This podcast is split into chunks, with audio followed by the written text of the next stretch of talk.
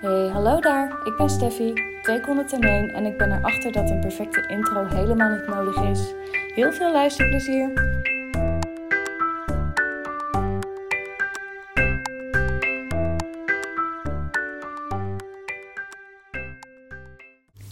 Hallo daar, leuk dat je luistert.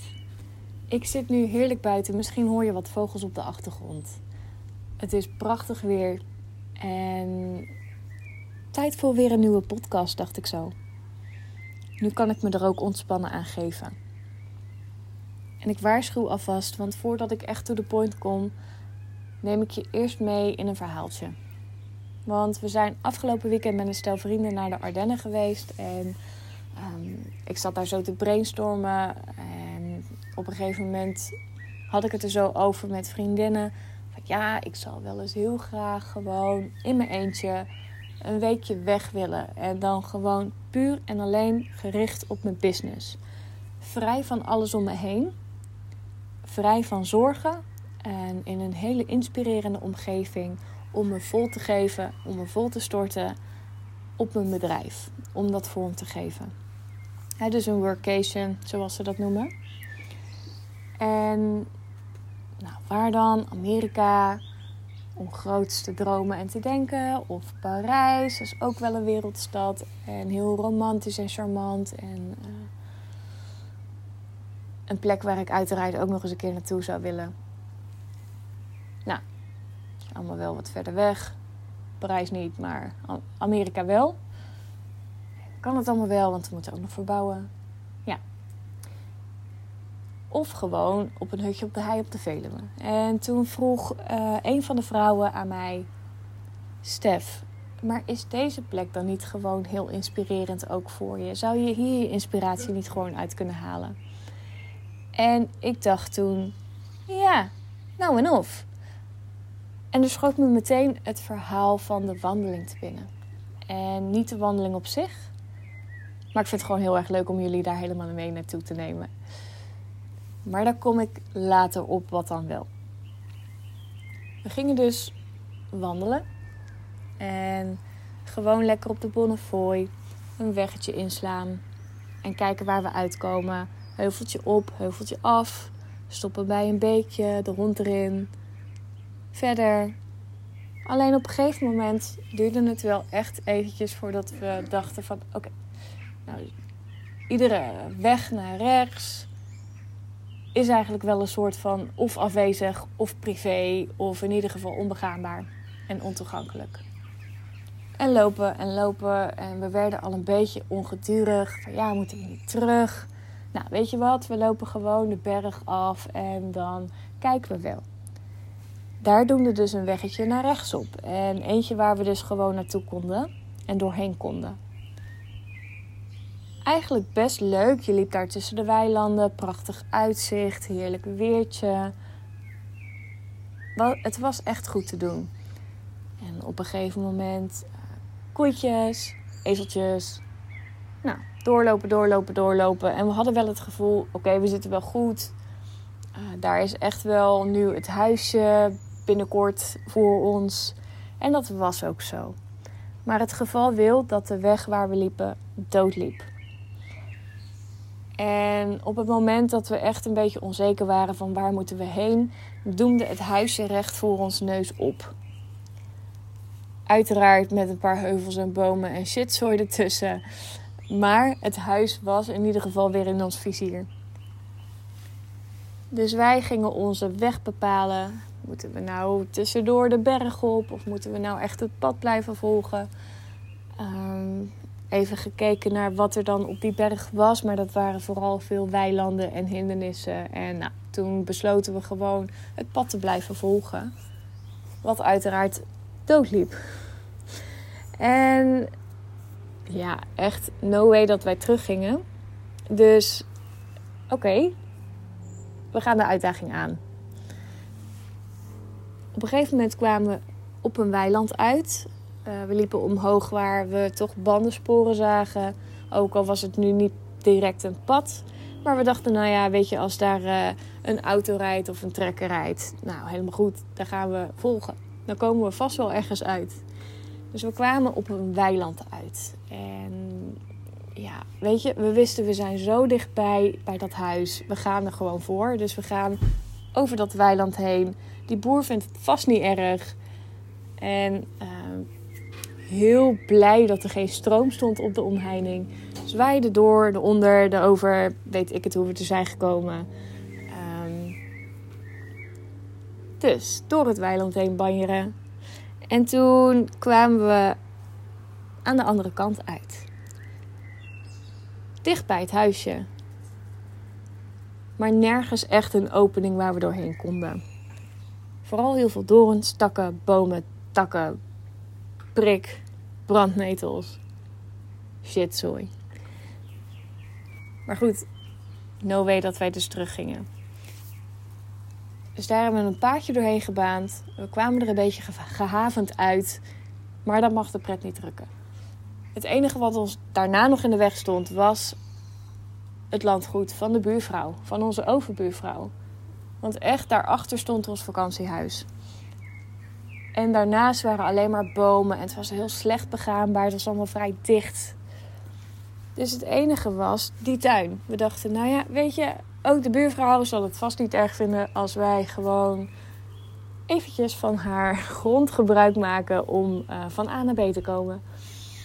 En ze was niet thuis, dat was ons geluk. En je moet je voorstellen, um, je hebt natuurlijk bij een tuin en bij een landgoed een heel mooi, prachtige tuin uh, met groen en bloemetjes en uh, wat je je dan ook bij een tuin voorstelt. Dat was het niet. Er stond geen omheining. Het was één grote zandvlakte. En het enige wat eigenlijk een soort van af was, was het Hans en Gietje huis wat er ook op stond. Maar dat dus. Dus de buurvrouw was er niet en wij gaan daar overheen. En uiteraard, je voelt hem aankomen, de buurvrouw komt uh, thuis.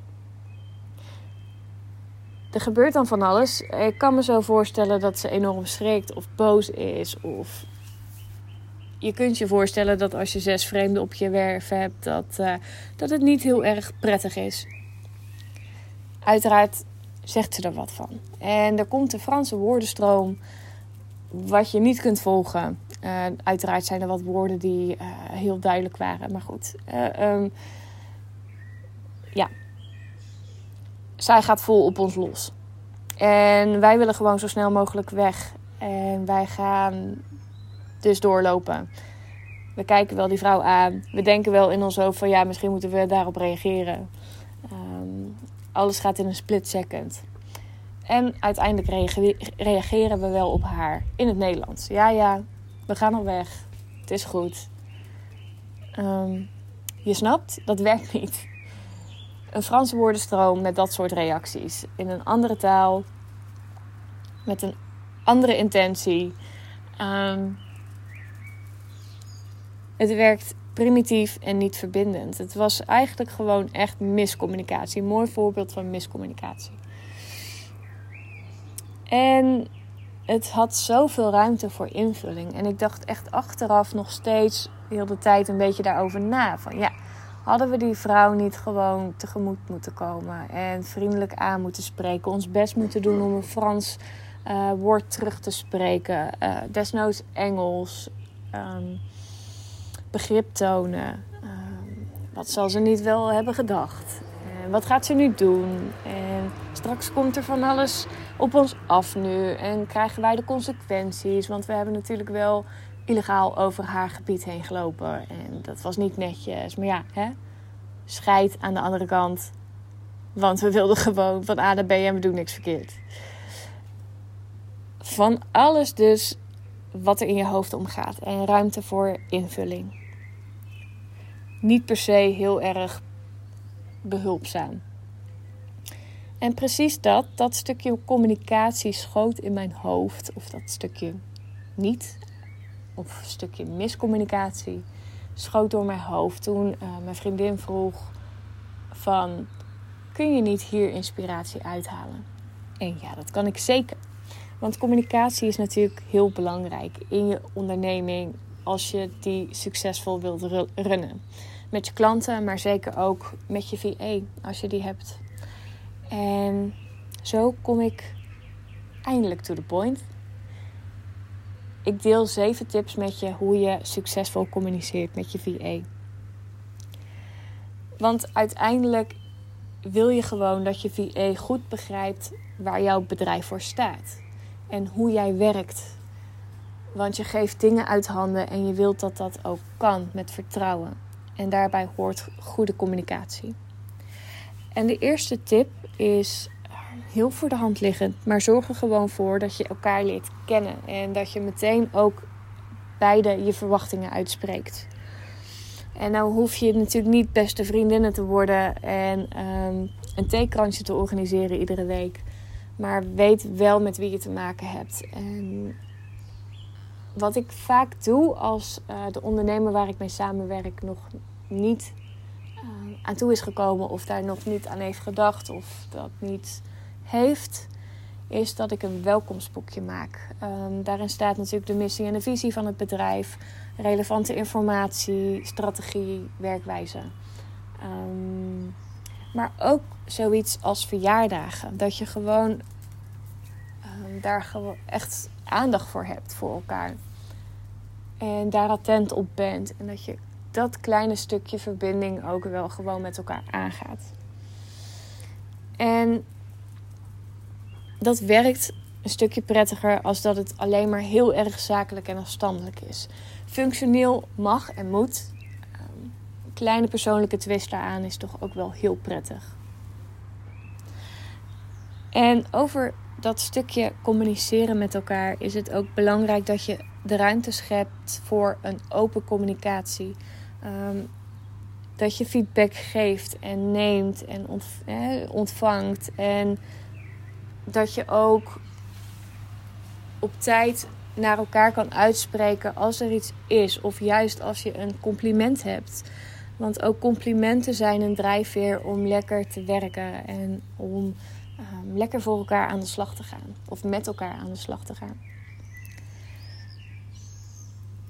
Daar in het verlengde van is het toch wel echt handig als je jouw VA ook als gelijkwaardige ziet. Want tenslotte zijn jullie gewoon allebei ondernemers.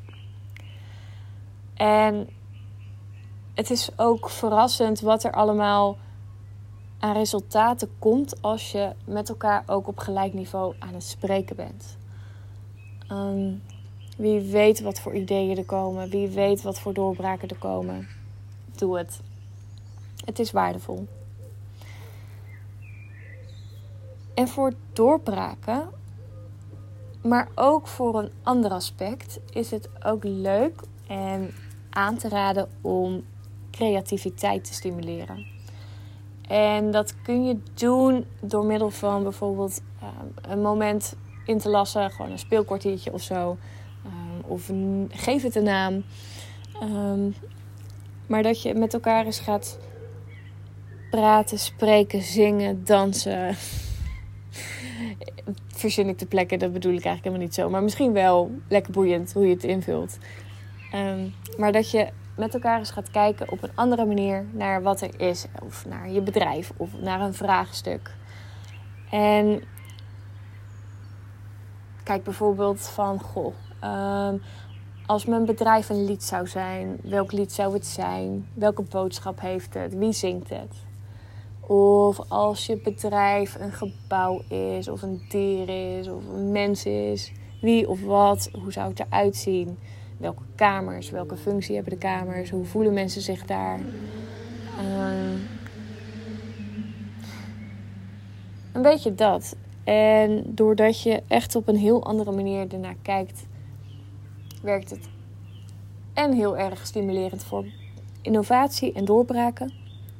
En tegelijk betrek je jouw VA zo bij jouw bedrijf dat hij zich heel erg verbonden daarmee kan voelen. En jouw visie uit kan dragen en vorm kan geven. En zich daar helemaal in, in kan leven. En dat werkt echt samenwerking ten goede, maar ook de boodschap die je naar buiten brengt.